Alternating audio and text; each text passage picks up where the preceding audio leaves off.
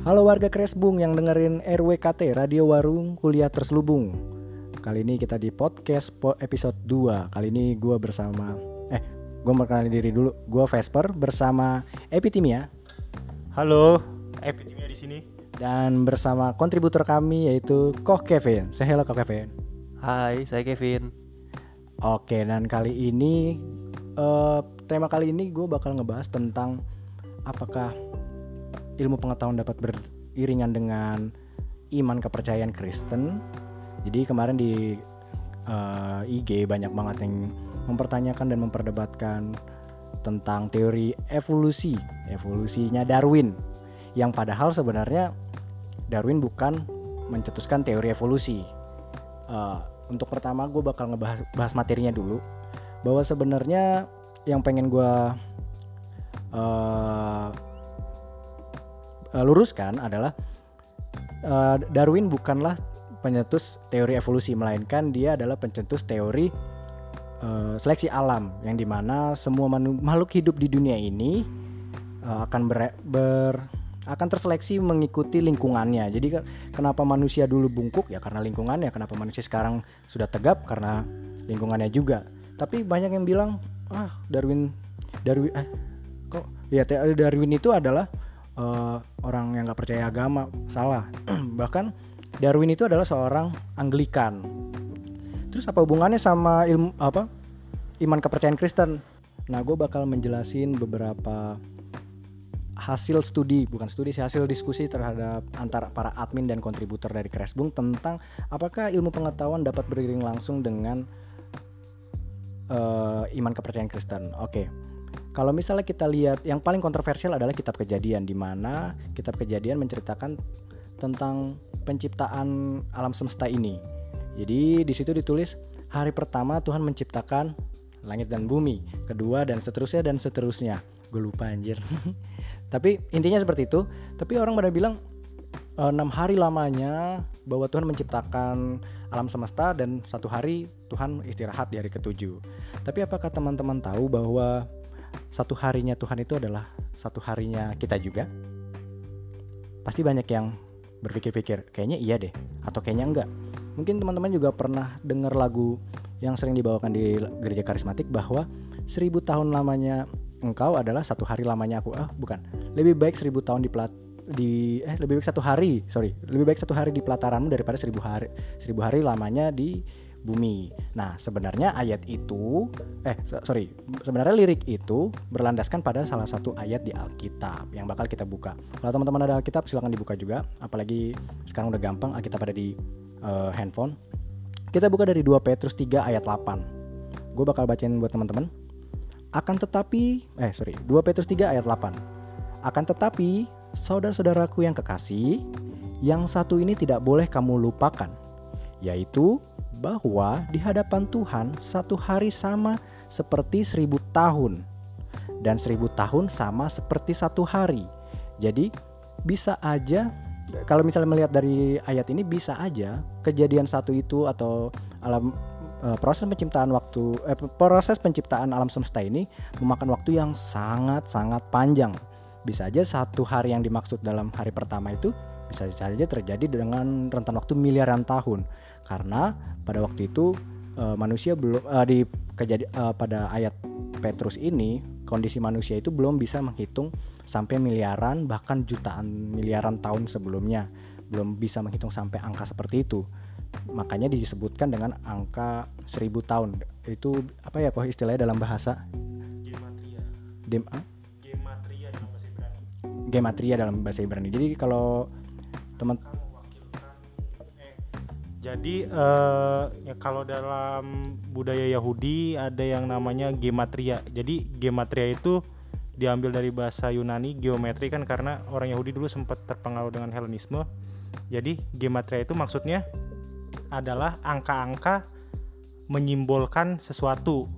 Seperti kayak misalnya di Wahyu ada bilangan 666 itu juga termasuk eh, dari yang gematria itu tadi. Seperti itu. oh kok Kevin ada mau nambahin Oh ya, ini seperti contoh kalau iklan Tenggo zaman dulu masih inget yang satu lapis berapa, berapa lapis? Ratusan. Nah, apakah itu artinya benar-benar ada 100 lapis atau artinya lapisannya yang sangat banyak? Nah, atau kalau di bahasa Inggris ada istilah namanya myriad. Kalau diterjemahkan secara literal itu adalah artinya 10.000. Tetapi kalau itu dipakai dalam kalimat biasanya melambangkan sesuatu yang sangat banyak. Perbedaan much and many ya. iya. Nah, jadi kurang lebih seperti itu untuk penggambaran waktunya Tuhan. Terus apa hubungannya dengan eh, ilmu pengetahuan beriringan dapat beriringan dengan iman kepercayaan Kristen? Ya dari kejadian saja sudah membuktikan bahwa kalau misalnya Tuhan itu menciptakan i- alam semesta ini atau universe ini butuh waktu yang lama. Bukan berarti sekonyong benar-benar satu hari Tuhan menciptakan langit dan bumi. Iya bukan satu hari merepresentasikan angka 24 jam bukan seperti itu. Jadi banyak banget hal-hal yang berhubungan dengan ini gitu. Ini adalah titik poin krusialnya kenapa gue bisa mengangkat ilmu pengetahuan bisa beriringan dengan ilmu, eh, iman kepercayaan. Nah, sekarang kita membahas apa yang dikatakan Darwin tentang teori evolusi dari manusia yang katanya dari monyet, lalu berubah jadi manusia seperti sekarang. Oke, kita bakal bedah. Jadi, yang dikatakan Darwin itu sebenarnya bukan evolusi, melainkan seleksi alam. Jadi kalau teman-teman pernah baca tentang teori seleksi alam, seleksi alam itu adalah ini sebenarnya pelajaran SMA. eh, setiap makhluk hidup yang menyesuaikan diri pada lingkungannya, kayak yang gue bilang di awal tadi. Jadi eh, dulu saat eh, bumi belum stabil, eh, em, semua makhluk hidup akan menyesuaikan kondisinya seperti lingkungannya, ya, seperti bumi pada waktu itu. Makanya eh, dulu ada bisa makanya sekarang tidak ada dinosaurus karena lingkungannya tidak sangat tidak memungkinkan untuk dinosaurus jadi balik lagi bahwa orang bilang dinosaurus itu nggak ada gitu. Karena di Alkitab nggak dituliskan ada dinosaurus. Padahal kalau kita teliti lagi coba rep kalian teman-teman bisa cek reptil itu diciptakan pada hari berapa? Yang pasti reptil itu diciptakan sebelum manusia ada. Coba bayangkan kalau misalnya kita nggak punya dinosaurus dan oh sorry dinosaurus itu adalah eh, termasuk reptil, hewan melata. Nah, bayangkan kalau kita tidak punya dinosaurus atau tumbuhan-tumbuhan purba atau hewan-hewan purba yang ada dulu, kita nggak bisa punya mobil, men. Nggak ada bahan bakar. Kalau misal kalian belajar lagi, bahan bakar itu berawal berasal dari eh, fosil-fosil purba yang telah hancur menjadi minyak bumi. Yaitu dan butuh proses, iya benar, miliaran tahun prosesnya nggak nggak bisa cuma setahun dua tahun gitu. Bahkan udah miliaran tahun aja masih ada fosil yang ter- tersisa gitu yang ada di museum-museum sekarang. Jadi kalau ada yang bilang, oh dinosaurus itu hanyalah hoax atau kon- apa konspirasi gitu, padahal itu bukan. Itu sangat memungkinkan bahwa sebenarnya Alkitab menjelaskan adanya dinosaurus. Buktinya reptil diciptakan sebelum eh, adanya manusia. Eh, nah, kalau untuk masalah eh, apa namanya dinosaurus dalam kitab suci, sebenarnya ada hewan di dalam Alkitab. Kalau dalam bahasa Ibrani-nya Behemoth. Jadi Behemoth. Eh, beda lah. Baphomet itu mah. Baphomet. ya. Nah, jadi Behemoth itu eh, menurut yang penggambaran para penafsir-penafsir kitab suci mirip seperti dinosaurus. Nah, kayak gitu, Per. Oh, oh iya, oh iya benar. Berarti seperti yang gue bilang tadi, berarti memang kore- korelasinya ada gitu. Karena memang kalau misalnya nggak ada dinosaurus, gue bilang tadi kita nggak punya bensin, men. Nah, kenapa dinosaurus sekarang tidak ada? Seperti yang gue bilang, semua makhluk hidup yang ada di bumi ini menyesuaikan uh, kondisinya gitu, kondisi bumi yang sekarang. Bu- bumi yang sekarang sudah tidak cocok lagi untuk dinosaurus dan itu adalah salah satu kasihnya Tuhan. Bayangin, Hah? Ya, kejadian meteor nanti mungkin kok Kevin mau jelasin tapi itu salah satu eh, karyanya Tuhan gitu. Tuhan sudah mempersiapkan ini eh, supaya kita punya minyak bumi. Dan kalau misalnya ada dinosaurus sampai sekarang mungkin kita kayak di film Jurassic Park anjir yang bakal di hunting sama dinosaurusnya sama T-Rexnya gitu. Eh, terus nah, kalau misalnya kita peka kita memperhatikan eh, Alkitab coba deh teman-teman baca dari kejadian sampai Wahyu. Kalau dilihat-lihat Tuhan itu menyukai proses gitu. Kenapa manusia butuh lahir 9 bulan dan kenapa eh, Nabi Yusuf harus dibuang dulu ke Mesir lalu menjadi sebuah menteri ya waktu itu ya Yusuf ya. Seorang menteri di Mesir ya. Nah Tuhan itu sangat menyukai proses kenapa dan itu menjelaskan uh, bahwa uh, dinosaurus harus ada dan akan menjadi fosil dan akan menjadi minyak bumi. Jadi nggak Tuhan nggak menciptakan sesuatu yang instan. Jadi kalau misalnya dibilang ya minyak bumi emang ada dari sononya enggak Tuhan selalu kayak uh, Tuhan punya alasan tersendiri untuk uh, memberikan kita sesuatu bahkan teman-teman juga kalau mau jadi dewasa juga butuh proses nggak sekonyong-konyong jadi dewasa gitu. Jadi dari penjelasan tadi juga sebenarnya kita udah bisa tahu kalau misal ternyata ilmu pengetahuan itu bisa seringan dengan uh, bisa saingan dengan iman kepercayaan Kristus eh Kristen. Ada yang mau ditambahin ya Pit? Oh, iya nih masalah Bahemot tadi. Gue mau jelasin sedikit jadi Bahemot ini ada di Ayub 40 pasal 10 Enggak, udah ada di sini oh, Par. Udah. Perhatikanlah Daniel yang telah kubuat seperti juga engkau. Ia makan rumput seperti lembu. Nah, kata yang ku Daniel ini dalam bahasa aslinya bahasa Ibrani adalah Behemoth. Nah, Behemoth ini ada dua aliran yang yang penafsiran. Pertama bilang kalau Behemoth ini adalah hewan nyata. Nah, hewan nyatanya apa? Berupa yang kudanil atau badak. Cuman juga ada yang bilang kalau Behemoth ini hewan raksasa yang kuat. Nah, makanya dalam penggambar-penggambaran ada yang menggambarkan Behemoth ini adalah dinosaurus. Cuman kalau misalnya yang lebih yang agak lebih rasional menjelaskan kalau Behemoth ini yang kudanil makanya dalam uh, terjemahan LAI diterjemahkan yang kudanil ini. Nah, selain Behemoth ini juga ada Lewiatan juga.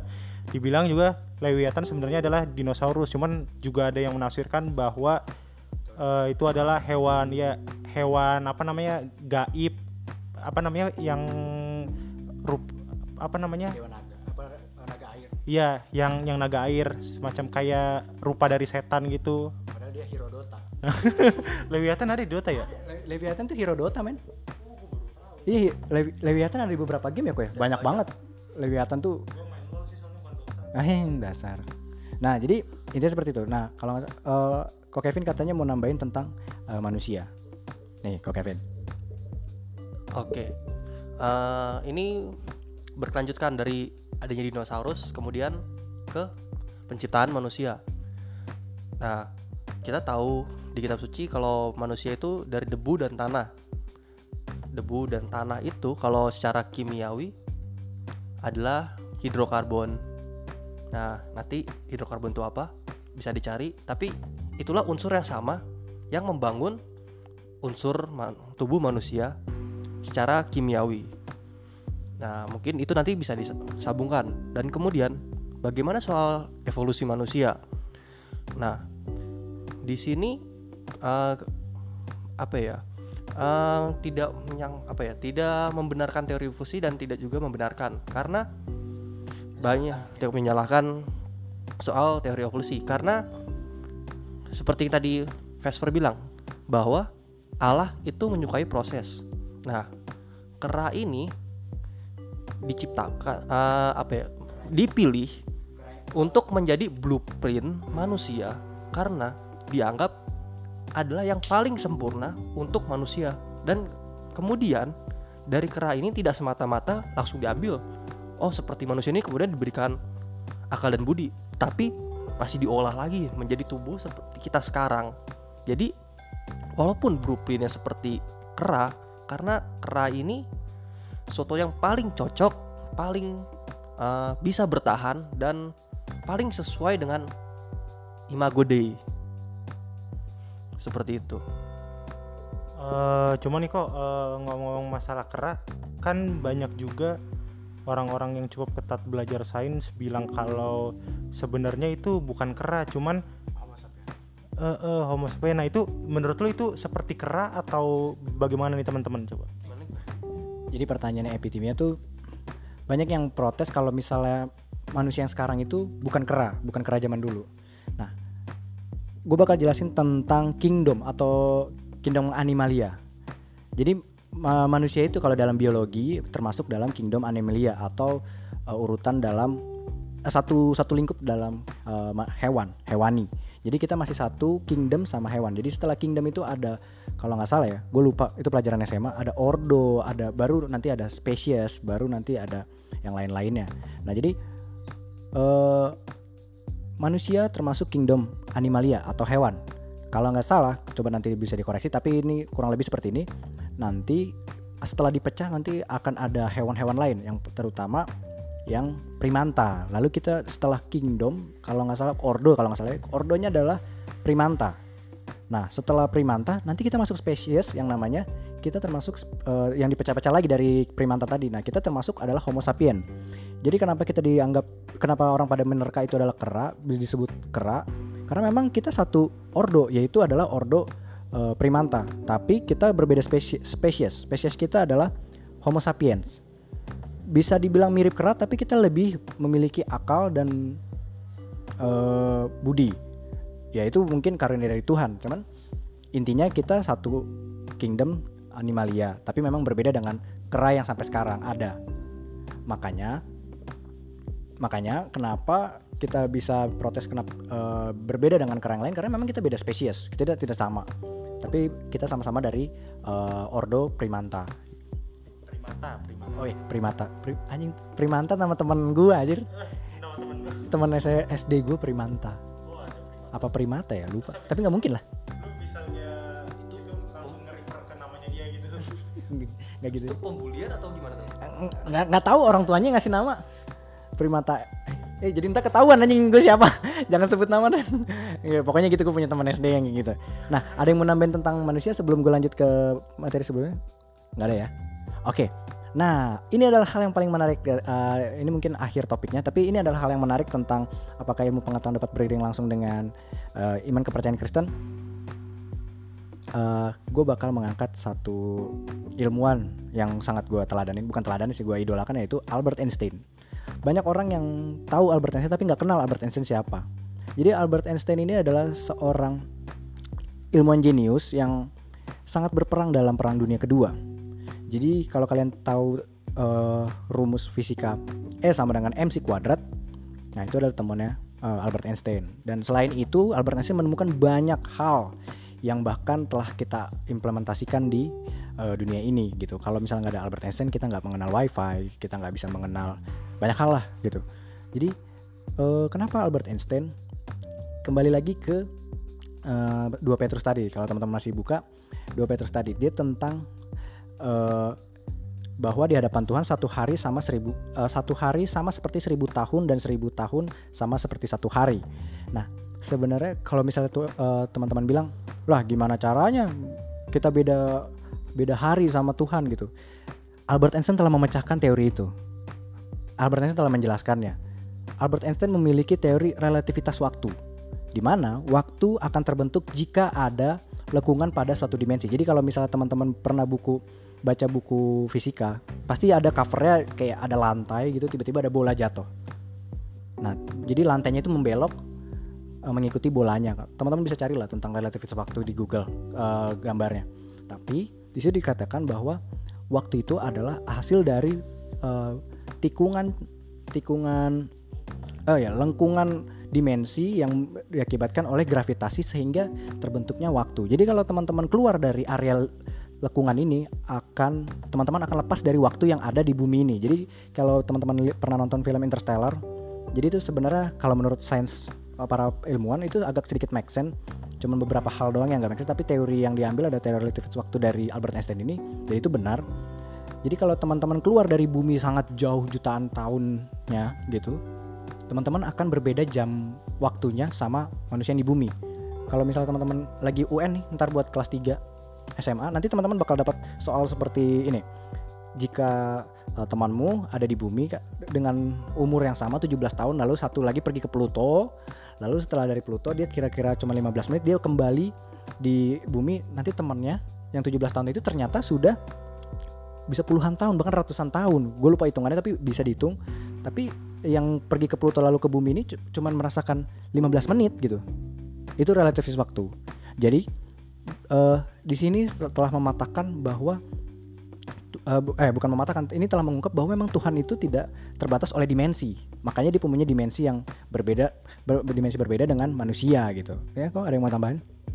Oh iya, kalau uh, ada bukti nyatanya gak sih soal apa relativitas waktu? Itu teman-teman mungkin bisa cari informasi bahwa setiap harinya satelit Google Map itu akan direvisi. Karena waktu yang dialami oleh satelit itu berbeda dengan kita. Kalau saya lupa berapa berapa belas detik gitu setiap harinya. Dan itu harus setiap jam berapa ada jadwalnya untuk merevisi itu kembali untuk menyamakan jam di bumi ini. jadi eh, teori yang dilakukan Darwin itu bu- eh yang teori yang dis- dimukakan oleh Albert Einstein bukan teori hoax tapi memang telah diimplementasikan nah makanya gue bilang eh, salah satu selain wifi ada GPS itu karena Albert Einstein kalau nggak ada Albert Einstein kita nggak punya GPS kurang lebih seperti itu. Jadi mungkin ada mau tambahan dari Epitimia? Bukan ditambahin sih. Sebenarnya kan gue kan nggak terlalu ini banget sama sains ya. Bukan nggak terlalu ini banget. Goblok malah masalah sains. Nah terus habis itu di masalah banyak-banyak kasus ini nih per.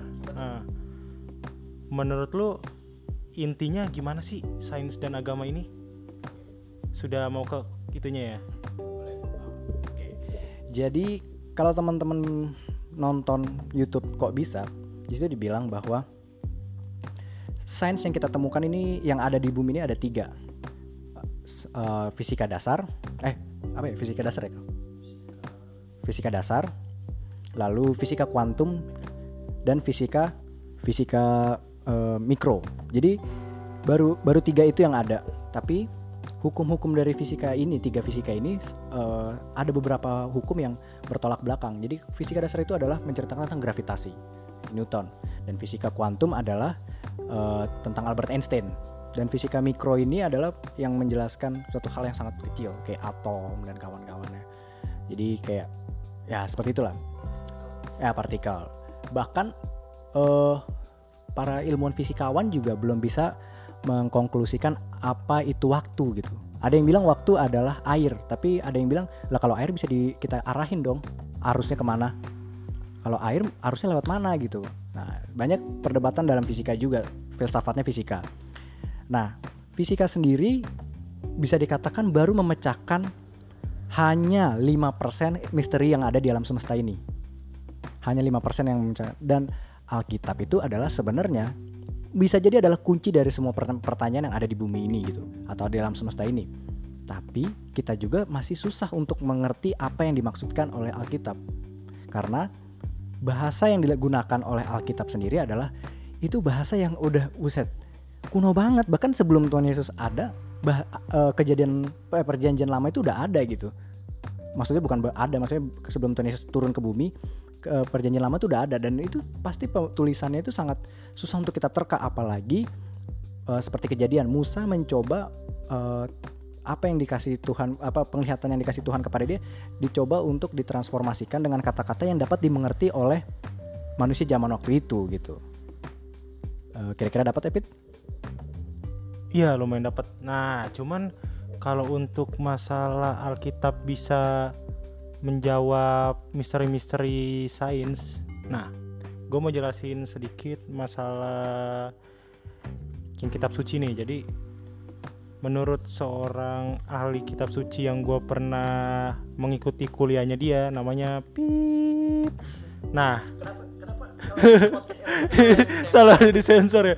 Nah intinya si bapak dosen ini eh bilang kalau kitab suci itu khususnya perjanjian lama sebenarnya bukan untuk dipakai sebagai sumber sejarah, cuman bagaimana kita menafsirkannya untuk mengambil nilai rohaninya. Nah, sebenarnya yang teori kayak kayak begini udah dikemukakan sama ahli-ahli kritik teks kitab suci. Jadi kayak misalnya Rudolf Bultmann dia bilang kalau sebenarnya eh, kitab suci itu sebenarnya bagian-bagiannya ditulis ada maksud tertentu. Jadi kisah-kisah diambil untuk merepresentasikan kasus-kasus tertentu. Cuman gak mutlak begitu juga. Kita masih tetap bisa mengais-ngais sumber sejarah dari dari kisah-kisah ini walaupun nggak bisa full banget kita jadikan sebagai data cuman kita ya bisa cukup bermain lah dengan ini begitu jadi sebenarnya kasus dalam kejadian eh dalam Alkitab juga banyak yang bisa dijelaskan dalam uh, ilmu pengetahuan karena ilmu pengetahuan terbaru juga sudah update gitu. Jadi bukti uh, kenapa orang dulu nggak berani me- mencampur adukan eh, sains dan ilmu pengetahuan ya karena oh sorry sains dan agama ya karena dulu mereka belum punya kapasitas untuk mencampurkan itu. Tapi kalau sekarang manusia sudah update gitu dan bahkan yang gue bilang tadi fisika aja baru diketemukan tiga cabang fisika dan tiga cabang fisika ini masih berbenturan belum bisa menyatukan semuanya. Nah itu aja baru bisa menjelaskan 5% dari misteri yang ada di alam semesta gitu. Dan itu juga memecahkan misteri-misteri yang ada di Alkitab gitu.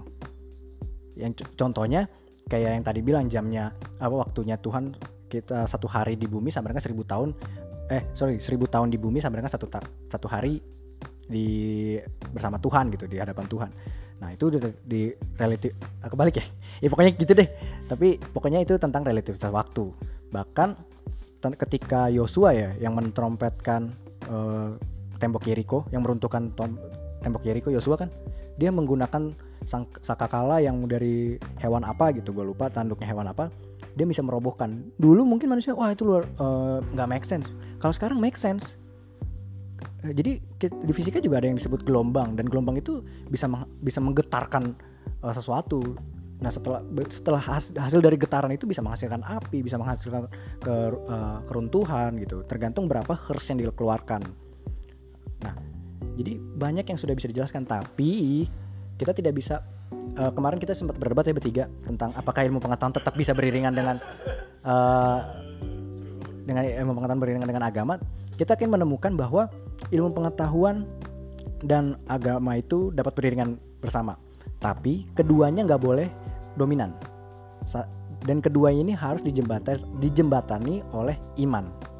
Jadi teman-teman nggak boleh tiba-tiba, bukan nggak boleh sih terserah. Tapi kalau menurut kami kita kita tuh nggak boleh terlalu dominan ke ilmu pengetahuan.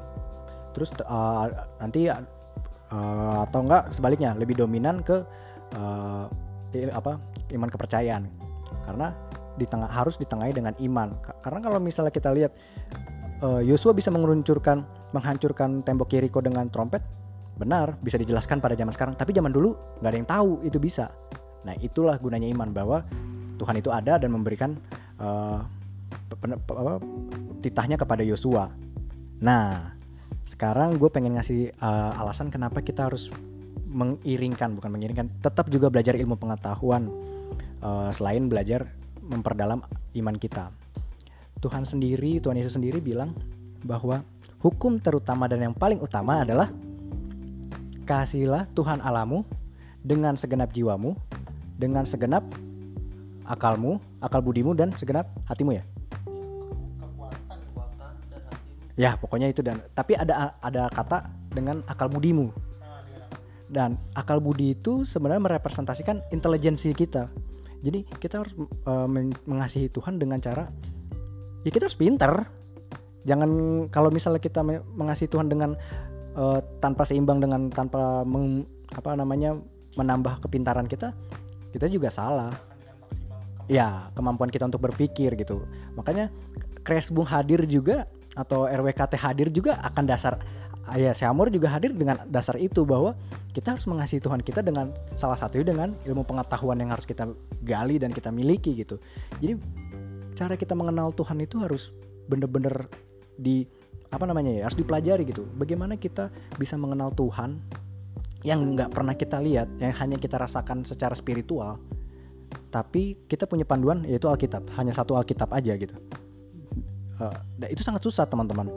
Selain ya eh, kalau misalnya punya pengalaman spiritual itu beda case. Tapi bagaimana kita bisa mengenal Tuhan? Bagaimana kita bisa mengenal oh ini loh yang dimaksud Tuhan gitu.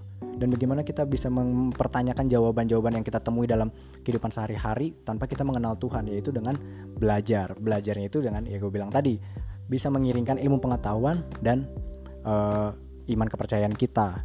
Tapi tetap ha- eh, harus dijembatani oleh iman. Tanpa iman semuanya kosong. Jadi gimana teman-teman? Ada yang mau interupsi atau mau nambahin atau mau semuanya udah oke ya? Oke, jadi sekian penjelasan gue eh, tentang eh sekian penjelasan kami tentang apakah ilmu pengetahuan dapat beriringan dengan eh, iman kepercayaan. Eh, kurang lebihnya seperti itu. Jika teman-teman ada mau pertanyaan lagi, teman-teman bisa DM di eh, IG Kresbung atau komen di eh, Facebooknya Kresbung. Ya? Kalau di IG itu @kresbung eh, terselubung, terselewobong.